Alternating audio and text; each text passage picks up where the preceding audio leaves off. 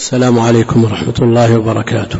الحمد لله رب العالمين وصلى الله وسلم وبارك على عبده ورسوله نبينا محمد وعلى آله وأصحابه أجمعين. قبل البدء بالموضوع نذكر ما نقله ابن القيم رحمه الله تعالى في مدارج السالكين عن شيخه شيخ الإسلام ابن تيمية. وكلنا يعرف ما لشيخ الإسلام من مقام وقدم في الإسلام ورسوخ في العلم. كثيرا ما يقول شيخ الإسلام رحمه الله تعالى أنا لست بشيء وما مني شيء ولا عندي شيء ولا لي شيء. وكان كثيرا ما يقول أنا المكدي وابن المكدي وكذا كان أبي وجدي. يقول ابن القيم رحمه الله وكان شيخ الإسلام إذا مدح في وجهه قال أنا أجدد إسلامي في كل وقت. يقول وإلى الآن ما أسلمت إسلاما جيدا. هذا يقول شيخ الإسلام إذا مدح في وجهه فكيف بمن دونه فكيف بمن ليس بشيء على الحقيقة؟ لكن نسأل الله جل وعلا أن يتجاوز عن الجميع وأن يغفر الذنوب والزلات وأن يستر العيوب ونسأله جل وعلا الذي أظهر الجميل وستر القبيح أن يديم الستر على الجميع في الدنيا والآخرة. الموضوع الذي نحن بصدد الحديث عنه متعلق بركن من أركان الإسلام لا يحتاج إلى استدلال أدلته معروفة لدى الخاص والعام. ولزومه لكل مكلف مستطيع لا يحتاج إلى بيان. الحج خامس أركان الإسلام عند جمهور أهل العلم ومنهم من يقدمه على الصيام فيجعله الرابع وهذا ما يقتضيه صنيع الإمام البخاري في صحيحه. هذا الحج له شروط وله أركان وله واجبات وسنن وآداب. أيضا الحديث ليس عنها. سمعتم ما يكفي ممن تكلم في الموضوع قبلي. وأما الموضوع الذي يخصنا فهو الحج المبرور. الحج فرغنا من تعريفه وسمعنا فيه ما يكفي وجميع متعلقاته. لكن الثمرة المرجوة من هذا الحج الذي أدي بأركانه وشرائطه وواجباته وسننه وآدابه. الإمام البخاري رحمه الله تعالى ترجم في صحيحه يقول باب باب فضل الحج المبرور. باب فضل الحج المبرور. ثم ذكر بإسناده حديث أبي هريرة رضي الله عنه قال سئل النبي صلى الله عليه وسلم أي الأعمال أفضل؟ قال إيمان بالله ورسوله. قيل ثم ماذا؟ قال جهاد في سبيل الله. قيل ثم ماذا؟ قال حج مبرور. تقديم الإيمان بالله جل وعلا أمر متفق عليه إذ لا يصح أي عمل يتقرب به إلى الله جل وعلا إلا بعد الإيمان. فالإيمان شرط لقبول جميع الأعمال. قيل ثم ماذا قال جهاد في سبيل الله؟ قيل ثم ماذا قال حج مبرور؟ تقديم الجهاد على الحج فيه إشكال. يأتي بيانه في كلام ابن رجب رحمه الله والجواب عنه. ثم ساق بإسناده أعني الإمام البخاري رحمة الله عليه عن عائشة بنت طلحة عن أم المؤمنين عائشة بنت أبي بكر الصديق رضي الله عنها عنهما أنها قالت يا رسول الله نرى الجهاد. أو نرى الجهاد أفضل العمل أفلا نجاهد؟ تعني بذلك النساء. قال لا ولكن بعض الروايات لكن بدل لكن؟ أفضل الجهاد حج مبرور. ثم بعد ذلك ذكر حديث أبي هريرة قال سمعت رسول الله صلى الله عليه وسلم يقول من حج فلم يرفث ولم يفسق رجع كيوم ولدته أمه. يعني مطابقة الحديثين الأول والثاني للترجمة ظاهرة. لأن فيه التنصيص على الحج المبرور في الحديث الأول والثاني. والترجمة باب فضل الحج المبرور. والحديث الثالث حديث أبي هريرة يقول من حج فلم يرفث ولم يفسق رجع كيوم ولدته أمه. يعني من حج حج مبرورا رجع كيوم ولدته وقال الإمام مسلم رحمه الله تعالى حدثنا يحيى بن يحيى قال قرأت على مالك عن سمي مولى أبي بكر بن عبد الرحمن عن أبي صالح السمان عن أبي هريرة أن رسول الله صلى الله عليه وسلم قال العمرة إلى العمرة كفارة لما بينهما والحج المبرور ليس له جزاء إلا الجنة. نقتصر على هذه الأحاديث الأربعة ثلاث منها عن أبي هريرة وواحد عن عائشة رضي الله عن الجميع المبرور يقول الأزهري في تهذيب اللغة اختلف العلماء في تفسير البر فقال بعضهم البر الصلاح. يعني المبرور يكون إيش؟ الصالح. وقال بعضهم البر الخير. قال ولا أعلم تفسيرا أجمع منه لأنه يحيط بجميع ما قالوا. الذي هو الخير. قال وجعل لبيد البر التقى. البر التقى. حيث يقول وما البر إلا مضمرات من التقى. هناك تلازم بين البر والتقوى. وإذا كان التنصيص في الأحاديث على الحج المبرور فالتنصيص في القرآن على التقوى فمن تعجل في يومين فلا إثم عليه ومن تأخر فلا إثم عليه لمن اتقى. قال بعض أهل العلم أن معنى الآية هو معنى رجع من ذنوبه كيوم ولدته. تأتي الإشارة إلى هذا بشيء من التوضيح. قال وأما قول الشاعر تحز رؤوسهم في غير بر فمعناه في غير طاعة وخير. قال شمر الحج المبرور الذي لا يخالطه شيء من المآثم والبيع المبرور الذي لا شبهة فيه ولا كذب ولا خيانة.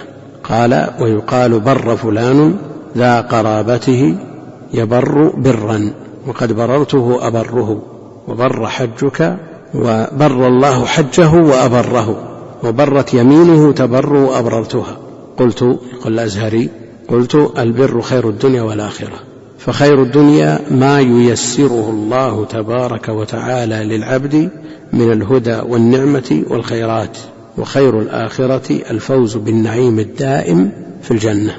قال أبو قلابة لرجل قدم من الحج بر العمل أراد عمل الحج.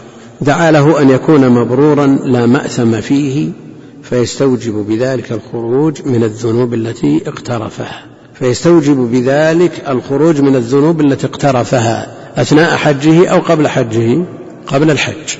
أما إذا اقترف ذنوبا أثناء الحج فحجه ليس بمبرور لأن الحج المبرور عند جمع من أهل العلم هو الذي لا يخالطه إثم.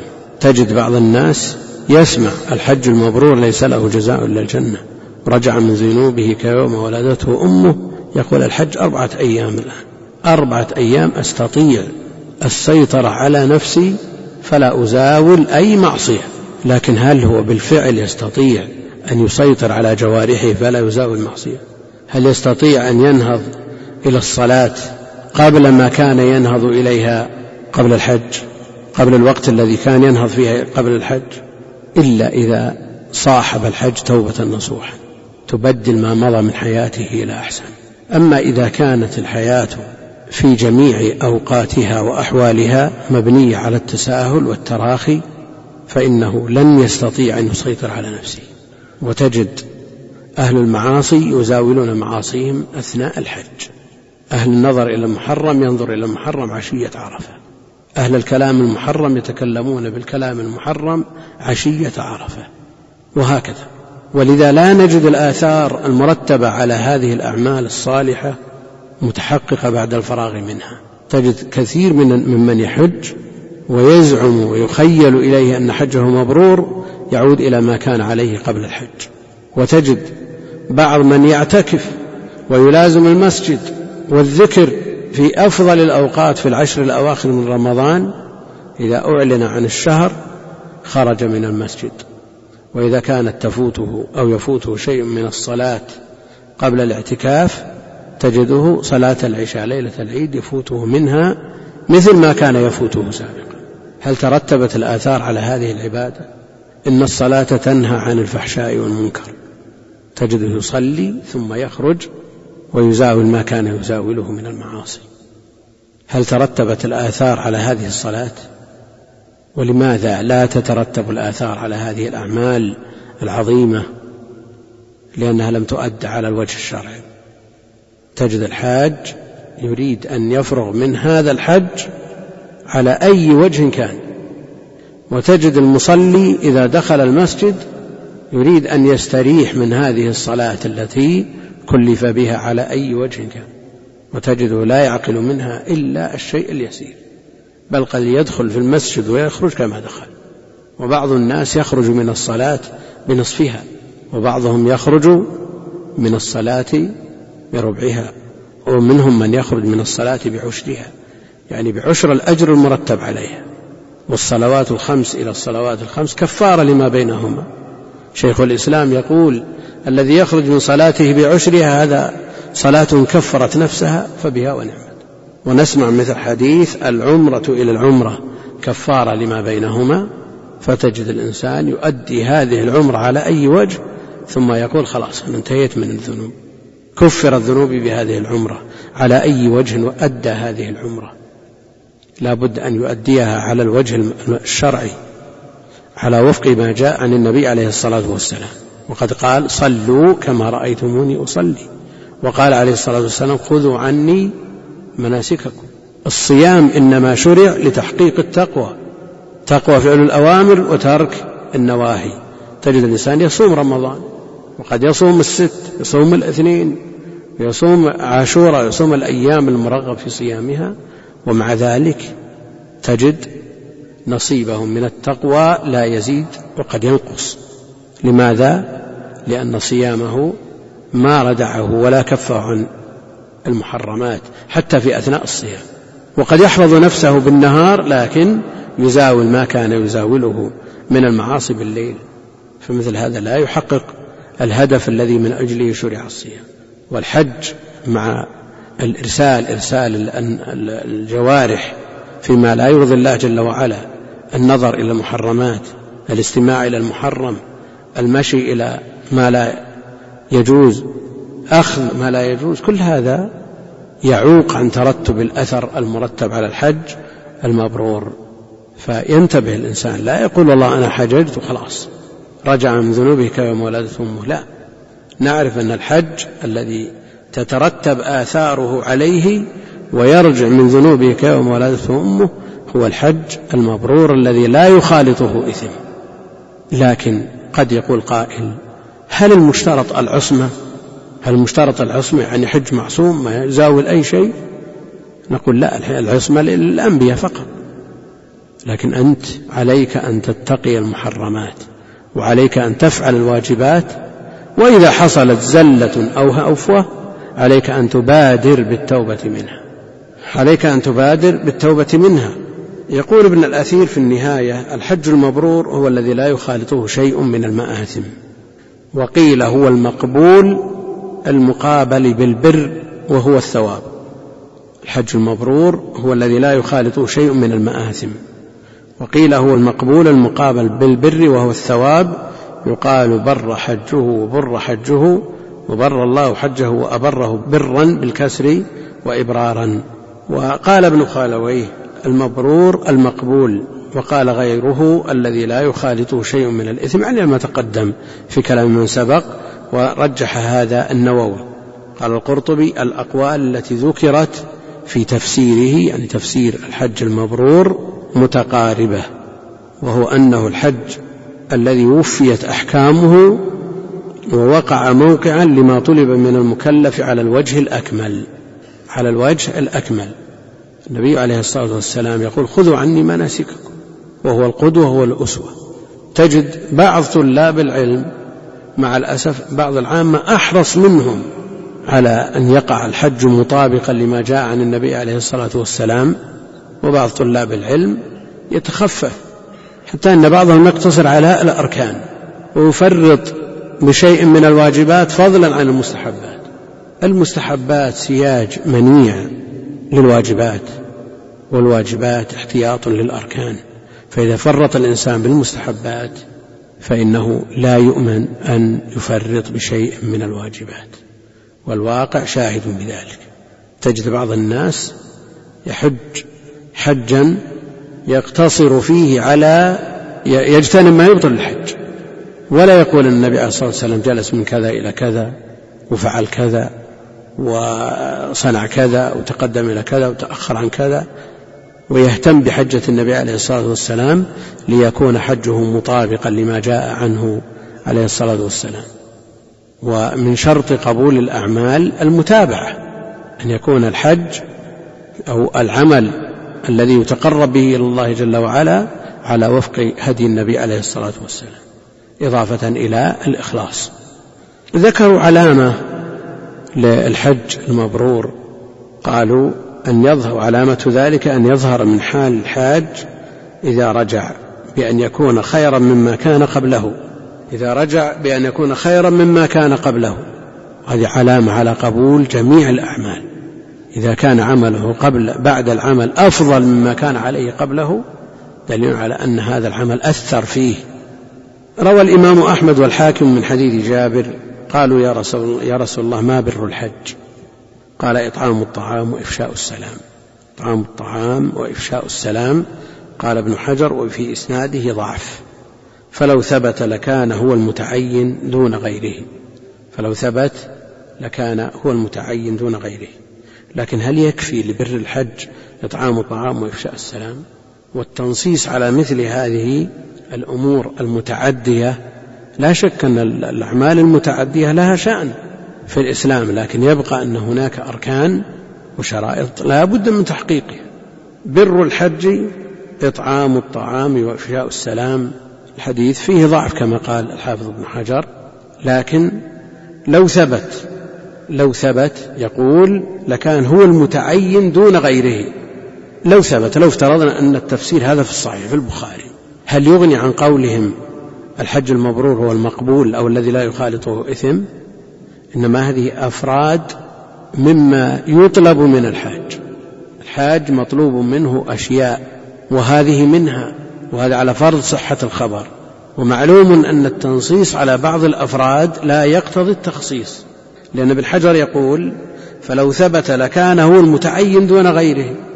طيب ثبت تعيين القوة بالرمي بالنص الصحيح. ألا إن القوة الرمي؟ وعدوا لهم ما استطاعوا من قوة ألا إن القوة الرمي؟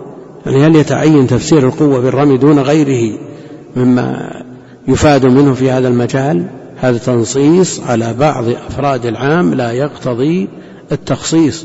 ولذا قول ابن حجر لو ثبت لكان هو المتعين دون غيره لا زي بصحيح. نعم.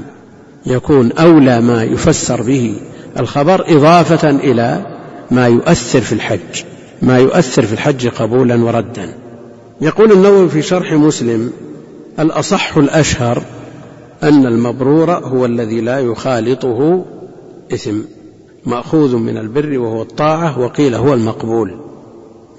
قال ومن علامة القبول أن يرجع خيرا مما كان ولا يعاود المعاصي. وقيل هو الذي لا رياء فيه. وقيل هو الذي لا يعقبه معصية. أما القول بأنه الذي لا رياء فيه فهو داخل في قولهم لا يخالطه إثم لأن الرياء شرك وإن كان لا يخرج من الملة إنما هو شرك على كل حال فهو إثم بل من أعظم ما يسبب الإثم فهو داخل في قولهم لا يخالطه إثم. وقيل هو الذي لا يعقبه معصية. هذه علامة على القبول وليست هي القبول نفسه. ومعنى ليس له جزاء إلا الجنة. معنى ليس له جزاء إلا الجنة إنه لا يقتصر لصاحبه من الجزاء على تكفير بعض ذنوبه بل لا بد أن يدخل الجنة. ليس له جزاء إلا الجنة. أولا النتيجة المرتبة عليه مجزوم بها في الجملة يعني في النص. داخلة في النص له جزاء إلا الجنة. رجع من ذنوبك يوم ولدته أمه لكن تحقيق هذا الوعد على أفراد الناس هذا الذي يحتاج إلى تحقيق وتحرير للمناط في كل واحد بحسبه لأن هذه الأمور يتفاوت الناس في تحقيقها تفاوت الناس في تحقيق مقدماتها تفاوتا عظيما. فحج فلان وإن كان من أحرص الناس وأعلم الناس وأورع الناس يختلف عن حج فلان من الناس. لا يمكن أن يتطابق حج هذا مع هذا. هذا حجه أقل من حج هذا. وإن حرص الثاني على تحقيق ما رتب عليه هذا الثواب وأن يكون حجه مبرورا. ولذا لا يجزم لإنسان بعينه أن حجه مبرور وأنه رجع من ذنوبه كيوم ولدته أمه. ولا يجزم بهذا لا سيما لنفسه إلا مغرور. ولا بد أن يصاحب العمل مع الإخلاص والمتابعة الوجل. فالسلف الصالح رضوان الله عليهم همهم لقبول العمل أكثر من همهم لأدائه. قبول العمل له شأن.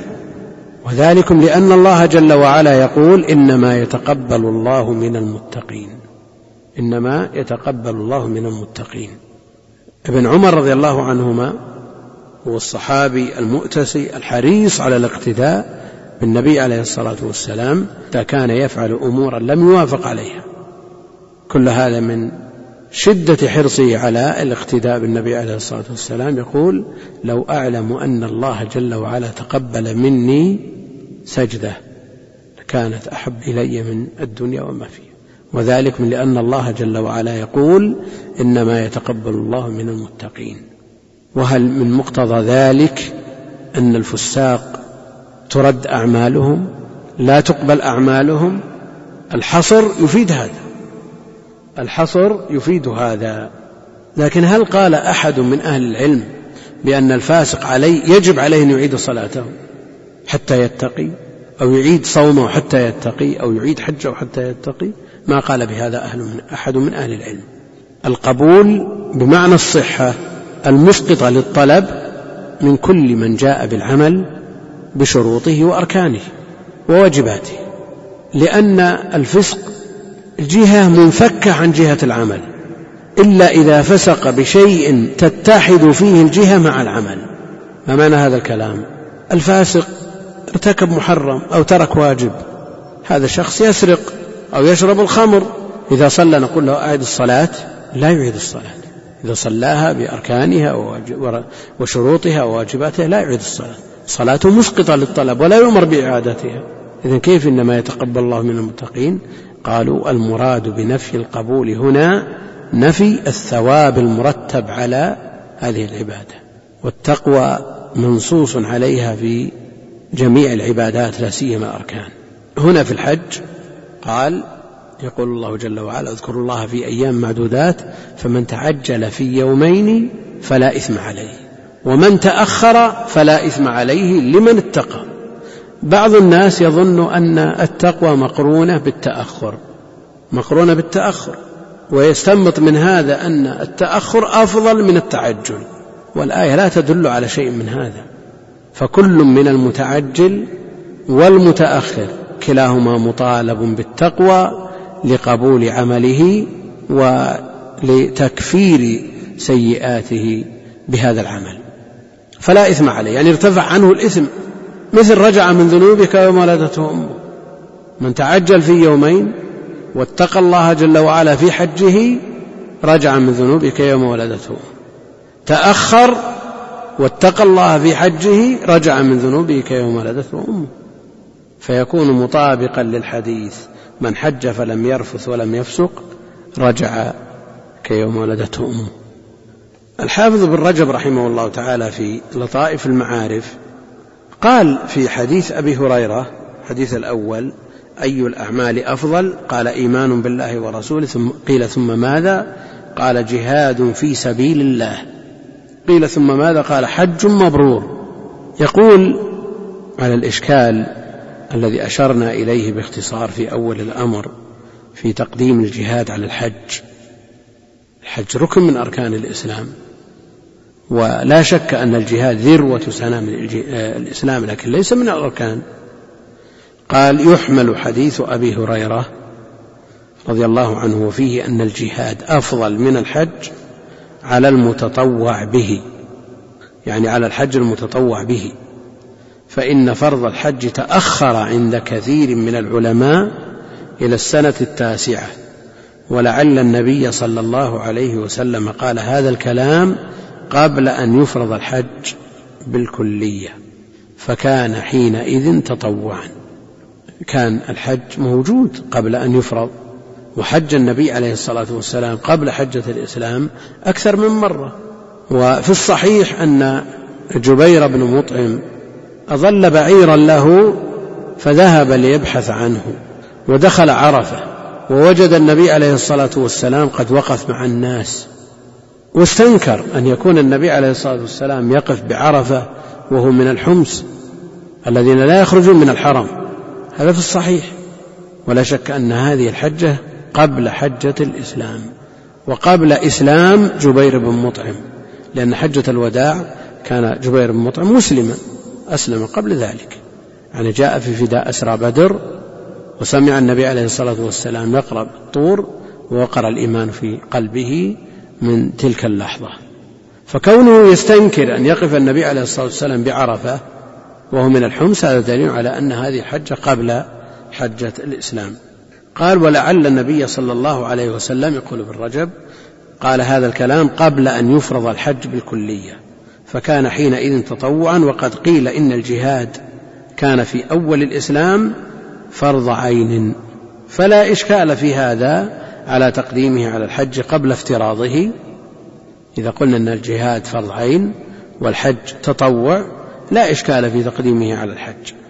فأما بعد أن صار الجهاد فرض كفاية والحج فرض عين فإن الحج المفترض حينئذ يكون أفضل من الجهاد. الحديث الصحيح في حديث الولي وما تقرب عبدي إلي بشيء أحب إلي مما افترضت عليه. الفرض بلا شك أنه أفضل من النفل. الفرض أفضل من النفل. إلا إذا كان النفل مع الفرض. فالمجموع أفضل من الفرض وحده. ولذا قال من توضأ يوم الجمعة فبها ونعمت ومن اغتسل فالغسل أفضل. ما يقال أن الغسل أفضل من الوضوء والوضوء فرض باتفاق الأمة والغسل مختلف فيه. المقصود به الغسل مع الوضوء. الداخل فيه. قال عبد الله بن عمرو بن العاص حجة قبل الغزو أفضل من عشر غزوات. وغزوة بعد حجة أفضل من عشر حجات. وروي ذلك مرفوعا من وجوه متعددة في أسانيدها مقال كما قال ابن رجب. عبد الله بن عمرو بن العاص يقول حجة قبل الغزو يعني تسقط الفرض أفضل من عشر غزوات. لماذا؟ لأن الحج ركن من أركان الإسلام والجهاد وإن وجب على الأعيان في بعض صوره لا يساوي الأركان. قال وغزوة بعد حجة أفضل من عشر حجات. لماذا؟ لأن الأثر المتعدي بسبب الغزو أعظم من الأثر المترتب على الحج لأنه قاصر. وإن تعدى في أثناء الحج نفعه للحجاج لكنه لا يداني نفع الغزو والجهاد في سبيل الله. وقال الصبي بن معبد كنت نصرانيا فأسلمت. فسألت أصحاب محمد صلى الله عليه وسلم الجهاد أفضل أم الحج؟ فقالوا الحج. يقول ابن رجب والمراد والله أعلم أن الحج أفضل لمن لم يحج حجة الإسلام مثل هذا الذي أسلم. وقد يكون المراد بحديث أبي هريرة رضي الله عنه أن جنس الجهاد أشرف من جنس الحج فإن عرض للحج وصف يمتاز به على الجهاد وهو كونه فرض عين صار ذلك الحج المخصوص أفضل من الجهاد وإلا فالجهاد أفضل والله أعلم. أن الإشكال الوارد في الحديث الأول تقديم لأنه ترتب أي الأعمال أفضل. قال إيمان بالله ورسوله. هذا ما هو ليس محل نزاع. قيل ثم ماذا؟ قال جهاد في سبيل الله. قيل ثم ماذا؟ قال حج مبرور. إشكال يستشكله آحاد الطلاب. كيف يقدم الجهاد على الحج؟ والحج ركن من أركان الإسلام. قيل بكفر تاركه. وهذا قول معروف عند أصحاب مالك ورواية في مذهب أحمد. قال به جمع من أهل العلم. يستدل له بقوله جل وعلا ومن كفر فإن الله غني عن العالمين وأدلة أخرى جاءت في السنة المقصود أن الحج لا إشكال في كون الفريضة أفضل من الجهاد والجواب كما سمعتم في كلام الحافظ ابن رجب رحمه الله تعالى في حديث عائشة ثاني أحاديث الباب عند البخاري في باب فضل الحج المبرور قالت يا رسول الله نرى الجهاد أفضل العمل أفلا نجاهد؟ قال لا ولكن أفضل الجهاد حج مبرور. بعضهم يضبطه لكن لكن أفضل الجهاد حج مبرور. يقول الحافظ بن رجب عن حديث عائشة وذكر الروايتين يقول أخرجه البخاري بلفظ آخر وهو جهادكن الحج. جهادكن الحج. وهو كذلك. يقول وهو كذلك. جهاد النساء الحج. وفي المسند وسنن ابن ماجه عن أم سلمة رضي الله عنها عن النبي صلى الله عليه وسلم قال الحج جهاد كل ضعيف.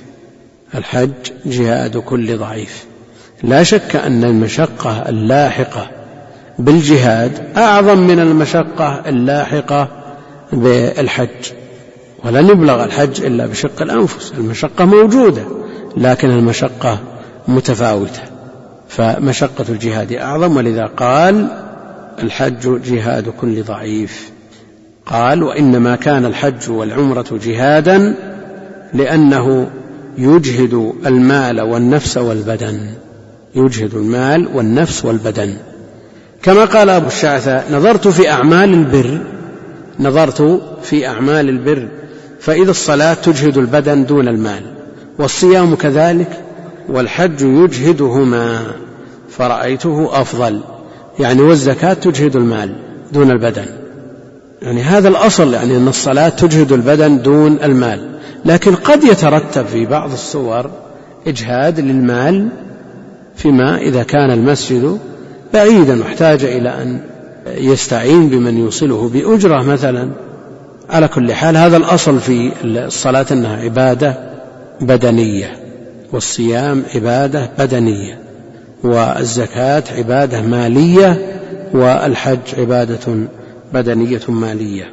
يقول أبو الشعثاء نظرت في أعمال البر فإذا الصلاة تجهد البدن ودون المال والصيام كذلك والحج يجهدهما فرأيته أفضل. يعني وهذا من باب تنوع العبادات. يعني تنوع العبادات أمر مقصود في الشرع. ولشيخ الإسلام رحمه الله تعالى رسالة في تنوع العبادات. ومن رحمة الله جل وعلا بهذه الأمة أن نوع لها العبادات. ليجد كل مكلف ما يناسبه من هذه العبادات أما القاسم المشترك بين المكلفين وهو الفرائض هذا لا خيار فيه لأحد. لكن التطوع قد يكون بعض الناس التطوع عليه بالصلاة سهل. وجاء في تراجم بعض العباد أنهم يصلون في اليوم والليلة ثلاثمائة ركعة. لكن قد يكون هذا النوع من الناس لو طلب منه الصدقة بدرهم لشق عليه. وبعض الناس عنده استعداد ليتبرع بالأموال الطائلة ومع ذلك لا يسهل عليه أن يصلي ركعتين. يشق عليه أن يصلي ركعتين خفيفتين. ووجد من عنده استعداد يقرأ القرآن الساعات وتشق عليه سجدة التلاوة.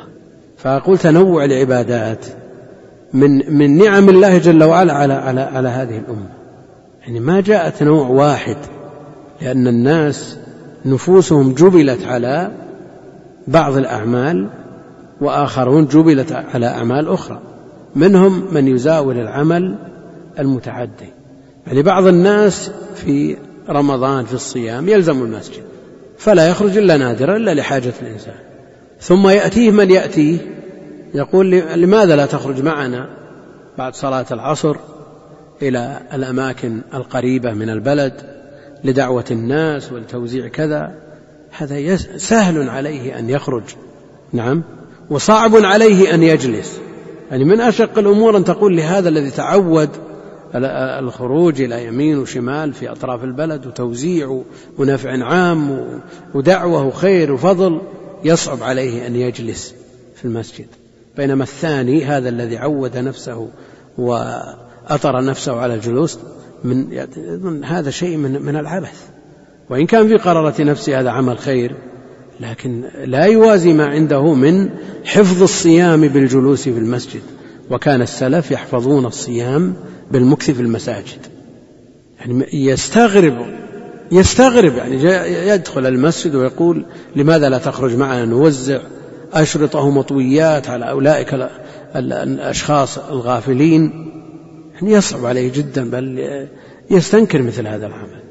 والآخر يقول ما شاء الله فلان المسجد دائم في المسجد سبحان الله تنوع هذه العبادات يعني فيها متعة للمسلمين. في الحديث الثالث من حج لله فلم يرفث ولم يفسق رجع كيوم ولدته أمه ويوم مبني على الفتح لأنه أضيف إلى جملة صدرها مبني.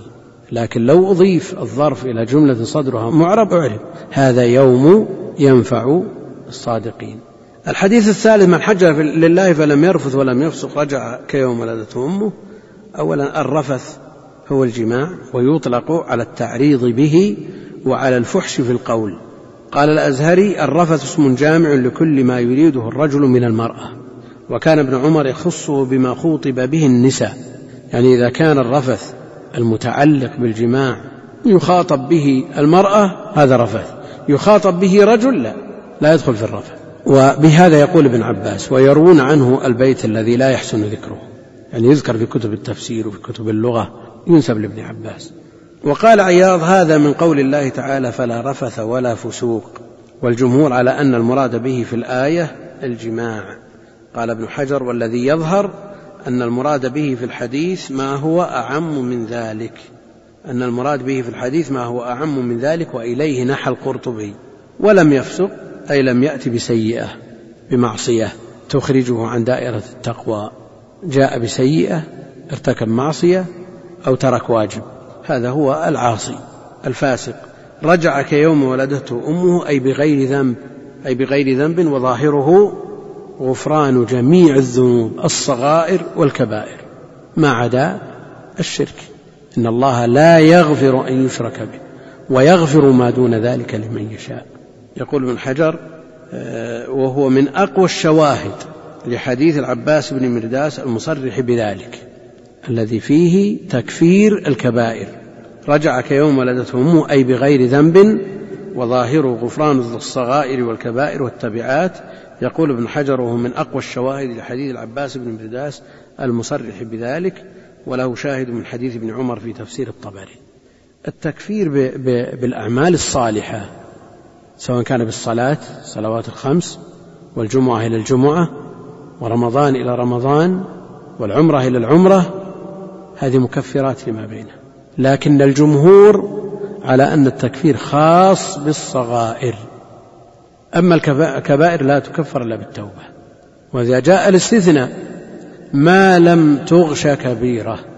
في بعض الروايات ما لم تغش كبيرة. في بعضها ما اجتنبت الكبائر. إن تجتنبوا كبائر ما تنهون عنه نكفر عنكم سيئاتكم. فالكبائر لا بد لها من توبة. ومن أهل العلم من يرى أن الحج على وجه الخصوص يكفر الكبائر والصغائر لإطلاق مثل هذا الحديث. رجع كيوم ولدته أمه. وذكر عن الطيبي أن الحديث إنما لم يذكر فيه الجدال. الآية فيها فلا رفث ولا فسوق ولا جدال في الحج. الحديث فلم يرفث ولم يفسق. لماذا لم يذكر الجدال؟ قال ذكر عن الطيبي أن الحديث إنما لم يذكر فيه الجدال كما ذكر في الآية على طريق الاكتفاء على طريق الاكتفاء.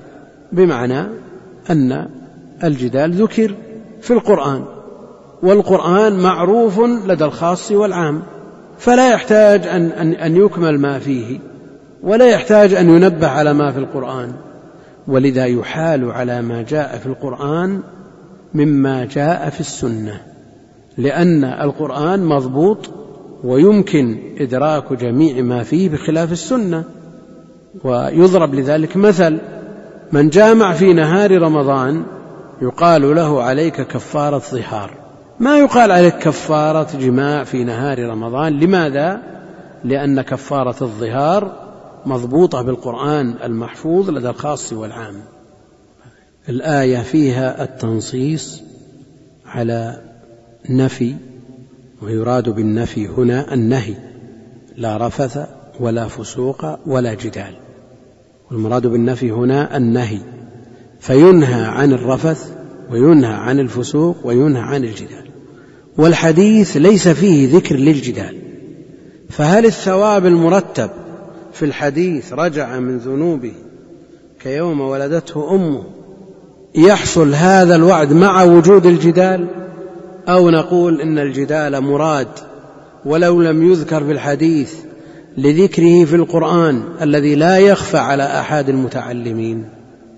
وذكرنا أن القرآن يحال عليه ما يمكن خفاؤه على بعض المكلفين كما لو جامع رجل امرأته في نهار رمضان قيل له عليك كفارة ظهار مع أن كفارة الجماع في نهار رمضان منصوص عليها في صحيح السنة.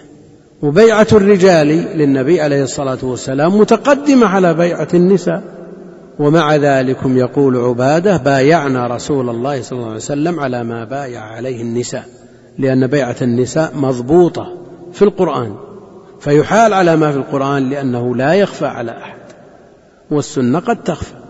هل نقول أن الاكتفاء هنا كما قال الطيبي أنه نص على الرفث والفسوق ولم يذكر الجدال من باب الاكتفاء من مثل قوله سرابيل تقيكم الحر يعني والبرد والبرد لكن يقتصر على بعض المراد اكتفاء بما يدل عليه.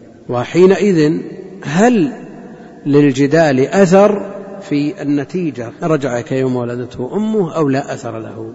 لأنه لم ينص عليها في الحديث. النتيجة رجع كيوم ولدته أمه مرتبة على انتفاء الرفث وانتفاء الفسوق مع أنه جاء التنصيص على الجدال في الآية لكن ليست النتيجة في الآية هي النتيجة في الحديث. الآية فيها نفي والمراد به النهي. للثلاثة. والحديث النتيجة رتبت على اثنين. فإما أن نقول كما قال الطيبي إن هذا من باب الاكتفاء وحينئذ يكون الجدال مطلوب لهذه النتيجة أو نقول أن النتيجة مرتبة على الأمرين فقط. قال ويحتمل أن يقال إن ذلك يختلف بالقصد لأن وجوده يعني الجدال لا يؤثر في ترك مغفرة ذنوب الحاج إذا كان المراد به المجادلة في أحكام الحج. يعني هناك جدال نافع جدال نافع مطلوب مأمور به وهناك جدال منفي منهي عنه فلا رفث ولا فسوق ولا جدال. وهناك جدال يسميه العلماء عقيم لا فائدة فيه. فلا يدخل في المنهي عنه ولا يدخل في المأمور به. جدال لا نتيجة وراءه. أما الجدال المنهي عنه فهو داخل في الفسوق لأنه معصية. الجدال المطلوب سواء كان في مسائل الحج أو في غيرها من مسائل الدين التي يتوصل بها إلى الحق بدليله هذا من التقوى لأنه مأمور به. أما الجدال الذي لا إثم فيه ولا أجر هذا لا شك أنه من الفضول. التي تصد عما ينفع ومن أعظم المنافذ منافذ الشيطان إلى القلوب. إذا أكثر أمراض القلوب إنما تأتي من الفضول فضول الكلام فضول النظر فضول النوم فضول الاستماع فضول الخلطة كما قرر ذلك الإمام المحقق ابن القيم في مدارج السالكين. قال ويحتمل أن يقال إن ذلك يختلف بالقصد لأن وجوده لا يؤثر في ترك مغفرة ذنوب الحاج إذا كان المراد به المجادلة في أحكام الحج فيما يظهر من الأدلة أو المجادلة بطريق التعميم فلا يؤثر أيضا. فإن الفاحش منه داخل في عموم الرفث والحسن منها داخل في عدم التأثير والمستوي الطرفين لا يؤثر أيضا. أقول وفي معنى الحديث الآية. اذكروا الله في أيام معدودات ثم تعجل في يومين فلا إثم عليه ومن تأخر فلا إثم عليه لمن اتقى. يعني التقوى من لازمها ترك الرفث والفسوق. فإذا اتقى سواء تعجل أو تأخر لا إثم عليه. يعني يرجع من ذنوبه لا يرجع من حجه لا إثم عليه. كيوم ولدته أمه. فالخلاصة أن الحج المبرور هو الذي يؤدى يؤديه الحاج مخلصا فيه لله جل وعلا متبعا فيه لنبيه عليه الصلاة والسلام مجتنبا لما يخدشه من الآثام مما نص عليه وما لم ينص عليه لأن ما نص عليه إنما هو من باب ذكر أو التنصيص على بعض الأفراد. والتنصيص قد يكون من باب التنبيه بالأدنى على الأعلى يعني إذا كان النهي عن الرفث فالنهي عما كان أعلى منه كالوقوع في الفاحشة مثلا يعني من باب أولى. قد يقول قائل الفاحشة ما نص عليها السرقة ما نص عليها. داخل في ولم يفسق. إذا نص عن مجرد الرفث مواجهة المرأة بالكلام الذي يختص بها أو يتعلق بالجماع هذا شرط لرجوعه كيوم ولدته أمه فكيف بما هو أعظم منه؟ فعلى الإنسان أن يتقي الله في جميع أعماله. وفي جميع أحواله. عليه أن يتقي بفعل المأمورات وعليه أن يجتنب المحظورات من أجل أن تؤدي هذه العبادات ثمارها المرجوة عليها وما رتب عليها لتكون الحال أفضل مما كان عليه الإنسان قبل ذلك. ويحصل على الوعد والوعود التي جاءت من الله جل وعلا في كتابه أو على لسان نبيه عليه الصلاة والسلام المرتبة على هذه العبادات. والله أعلم. صلى الله وسلم وبارك على نبينا محمد وعلى آله وأصحابه أجمعين. هذه تقول من الإمارات بعض الحملات تلزم الحجاج زيارة المدينة النبوية ويمرون على المساجد السبع ويحرصون على أن يأتوا مسجد عداس وغيره. نرجو منكم كلمة توجيهية لأن لأرباب الحملات لترفق بالحجاج وحثهم على لزوم السنة. لا شك أن زيارة الآثار التي لا تشرع زيارتها من من من الآثار هي مواطن عبادة هي مواطن عبادة. المسجد النبوي تشد الرحال إليه كما جاء في الحديث الصحيح. مسجد قباء يشرع لمن كان في المدينة أن يزوره كل سبت كما كان النبي عليه الصلاة والسلام. وأما ما عداه من المساجد فليس له خصيصة. وإذا كانت هذه المساجد السبعة لا تزاول فيها العبادة لا يصلى فيها وزيارتها شعار للمبتدعة فزيارتها بدعة زيارتها بدعة. فعلى القائمين على هذه الحملات أن يتقوا الله جل وعلا وأن يأطروا من اشترك معهم أو حج معهم على السنة وأن يحرصوا حرصا شديدا على أن تكون الأعمال على وفق الهدي النبوي. وزيارة المدينة أصلا في بالنسبة للحاج ليست بلازمة. وأما ما جاء من بعض الأحاديث التي لم يثبت منها شيء كما قال شيخ الإسلام وغيره من حج فلم يزرني فقد جفاني هذا حديث باطل. وكذلك جميع ما جاء في معناه. هل يلزم الزوج تحجيج زوجته؟ لا يلزم بل الحج لازم عليها إنما وجوبه عليها. الحاج الذي يصل اليوم السابع من ذي الحجة ما هو الأفضل له والأيسر له؟ الحج قارنا أو متمتعا أما بالنسبة للأفضل فالتمتع لأنه بإمكانه أن يؤدي العمرة كاملة ثم يتحلل التحلل التام ثم بعد ذلك يحرم يهل بالحج في اليوم الثامن. هذا الأفضل وإن بحث عن الأيسر الإفراد أيسر له. والحج آه، قارنا أعماله كأعمال حج المفرد فهو أيسر له من هذه الحيثية. وأما الحج الإفراد بحيث لا يلزمه هدي ولا يلزمه أكثر من طواف وسعي بخلاف التمتع الذي يلزمه طوافان وسعيان.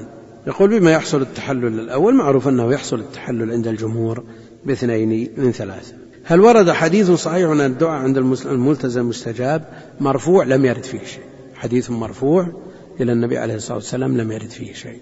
وأما ما ثبت عن بعض الصحابة كابن عمر وابن عباس فهو معروف عنهم ولذا لا يقال بأنه لا أصل له لأن الصحابي لا يمكن أن يفعل هذا الفعل وهذا العمل الذي يتعبد به لله جل وعلا إلا وعنده فيه أصل. يقول هل ثواب الحاج عن الميت كثواب الحج؟ أن يرجع كيوم ولدته أمه.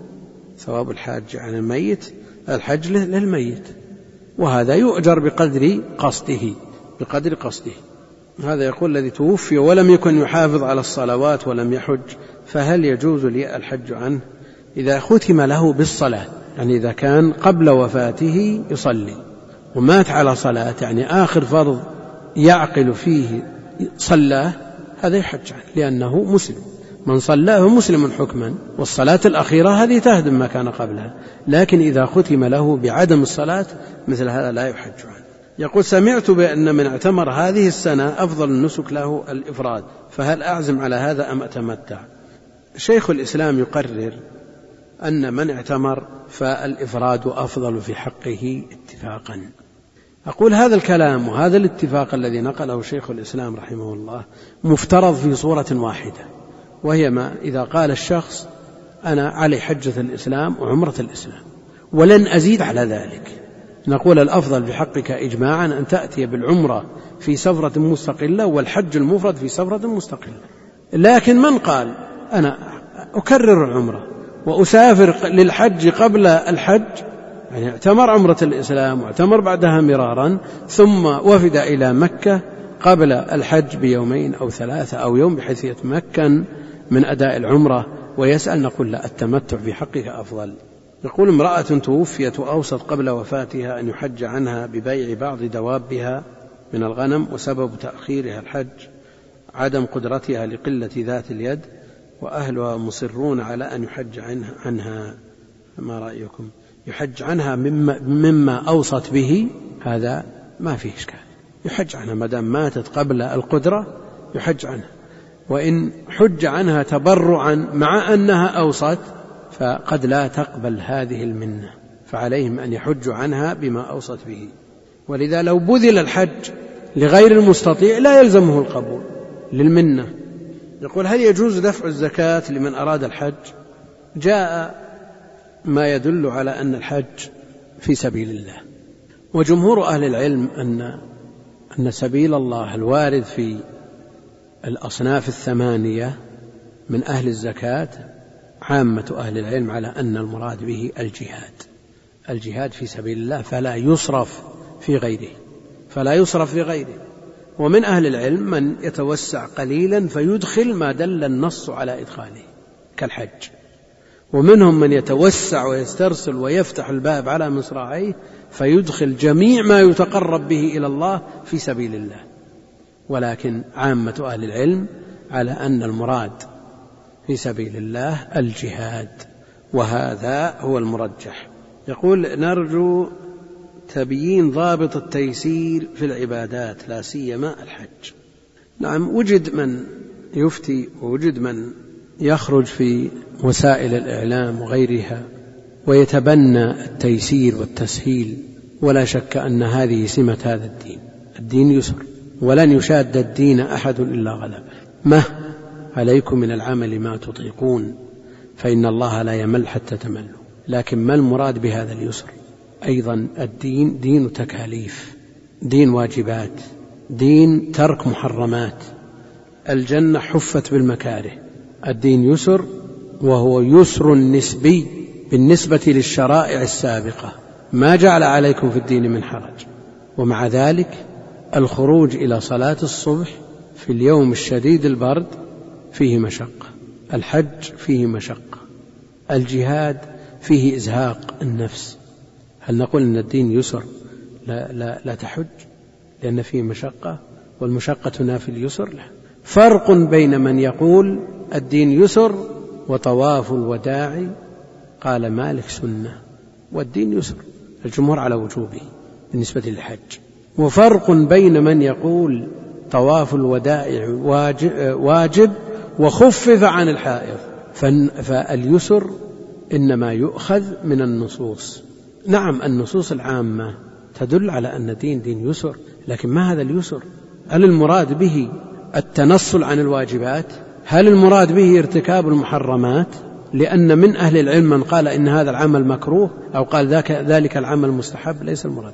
الدين دين اتباع وهو مؤطر ومقيد بنصوص عن الله وعن رسوله عليه الصلاة والسلام. لا بالهوى وليس المراد باليسر هنا أن ننظر في أقوال أهل العلم. من خفف فنتبع ومن شدد فنترك. هذا الذي خفف هذا فهم للدليل.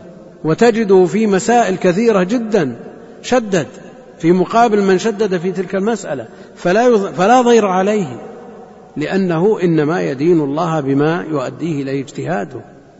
وأنت عليك أن تدين الله بما يؤديه إليك اجتهادك من خلال النظر في النصوص.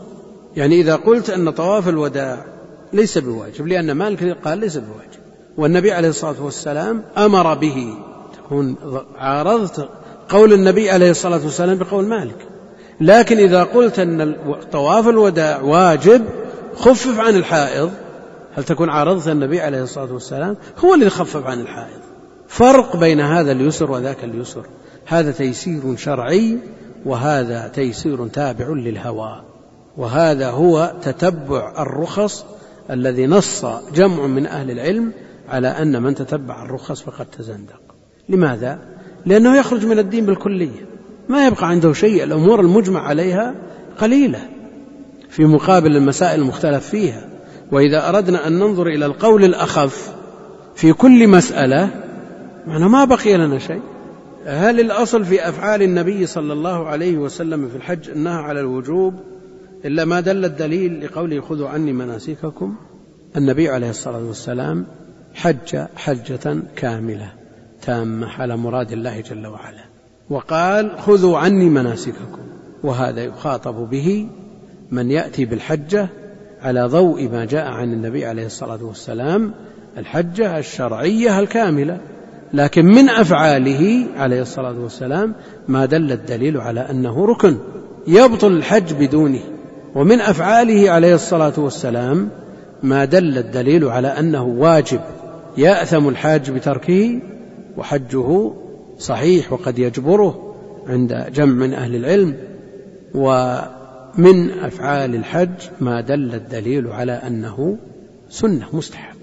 يعني الوقوف بعرفة ركن من أركان الحج. والمبيت بمنى واجب من واجبات الحج. لماذا؟ لماذا لا نقول ركن مثل مثل الوقوف بعرفة؟ ولماذا لا نقول سنة؟ نقول النبي عليه الصلاة والسلام قال الحج عرفة. وقال في حديث عروة بن مضرس من صلى صلاة هذه وكان قد وقف قبل ذلك بعرفة أية ساعة من ليل أو نهار فقد تم حجه. هذا دليل على أن عرفة الوقوف فيها ركن لا يصح الحج بدونه طيب ماذا عن المبيت؟ النبي عليه الصلاة والسلام بات بمنى. النبي عليه الصلاة والسلام رخص للرعاة والسقاة رخص لهم في ترك المبيت. الركن لا يمكن أن يرخص فيه. هل جاء الترخيص بالوقوف بعرفة للرعاة أو للسقاة أو لغيرهم؟ ما جاء ترخيص. لماذا لا نقول أن المبيت بمنى سنة؟ نقول السنة لا تحتاج إلى ترخيص. لا تحتاج إلى ترخيص السنة. وعلى هذا فقس. يقول إذا تجاوز الشخص الميقات فهل يلزمه أن يرجع إلى نفس الميقات؟ أم يجوز أن يذهب إلى ميقات آخر؟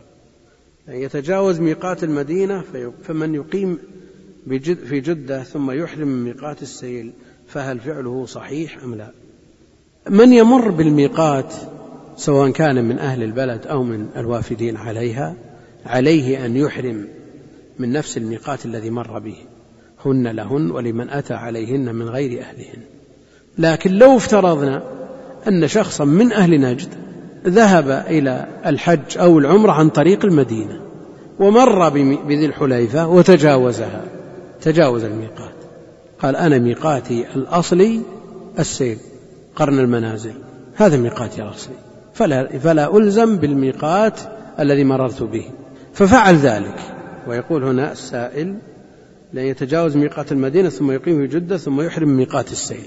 الجمهور يلزمونه بدم لأنه تجاوز الميقات قد مر به وفي الحديث ولمن أتى علي عليهن من غير أهلهن. الإمام مالك رحمه الله تعالى يقول إذا رجع إلى ميقاته الأصلي فلا شيء عليه فلا شيء عليه لأن قوله هن لهن الجملة الأولى تفيد ذلك. وقول الإمام مالك فيه سعة والدليل ظاهر في الدلالة عليه وإن كان الجمهور يلزمونه بدم. لكن الإشكال فيما لو مر النجدي بذي الحليفة وتجاوزها وجلس إلى جدة فأراد أن يحرم من رابغ مثلا. ما ذهب إلى السيل الذي هو ميقاته الأصلي. هل نقول أن رابغ التي محاذية للجحفة ميقات شرعي معتبر؟ فيكفي عن ميقاته الأصلي لأنه لم يمر بميقاته الأصلي. هذا محل بحث. أما إذا رجع إلى ميقاته الأصلي فالنص يحتمله ولا شيء عليه إن شاء الله تعالى. وترك الإحرام من الميقات محظور عند عامة أهل العلم يجبر بدم. بين قولين هما طرفا نقيض. هما طرفا نقيض. سعيد بن جبير يقول من تجاوز الميقات فلا حج له. سعيد بن المسيب يقول لا شيء عليه. وعلى كل حال القول الوسط هو قول الجمهور أنه إن تجاوزه متعمدا فقد أثم يجبره بدم. يقول رجل حج هو وأهله وأبوه وأخوه وأراد أن يتعجل فطلب من أهله يوم الثاني عشر أن يذهبوا إلى الحرم وهو يرمي عنهم. يقول وإذا رمى اتصل عليهم ليطوفوا طواف الوداع علما أن أباه وأخاه وإخوته يستطيعون الرمي فما الحكم فيما فعل. الذي يستطيع الرمي لا يجزي لا تجزئ النيابة عنه. الذي يستطيع الرمي لا تجزئ النيابة عنه. وعلى هذا لا بد أن يرموا بأنفسهم ثم يذهبون جميعا إلى الطواف. يقول من حج متمتعا وسعى سعيا واحدا هل عليه شيء؟ الجمهور على أن المتمتع يلزمه سعيان يلزمه سعيان سعي للعمرة التي تنتهي قبل الإحرام بالحج بجميع ما تتطلبه وينتهي منها ويحل الحل كله ولا ارتباط لها بالحج إلا من أجل جمعه بين النسكين في سفر واحد ويلزم من أجل ذلك بدم. وأما ارتباط العمرة بالحج فقد انفك. حتى قال بعضهم إنه يجوز له أن يرجع إلى بلده. وعلى هذا يلزمه أن يسعى سعيا ثانيا للحج. وإن كان شيخ الإسلام رحمه الله يرى أن المتمتع يجزيه سعي واحد. لكن المعتمد عند أهل العلم وهو المرجح أنه يلزمه سعيان. يقول ما المقصود بنية الدخول في النسك؟ النية معروف أن محلها القلب وأنها القصد إلى الشيء والأصل فيها القلب والتلبية للدلالة عليها للدلالة عليها.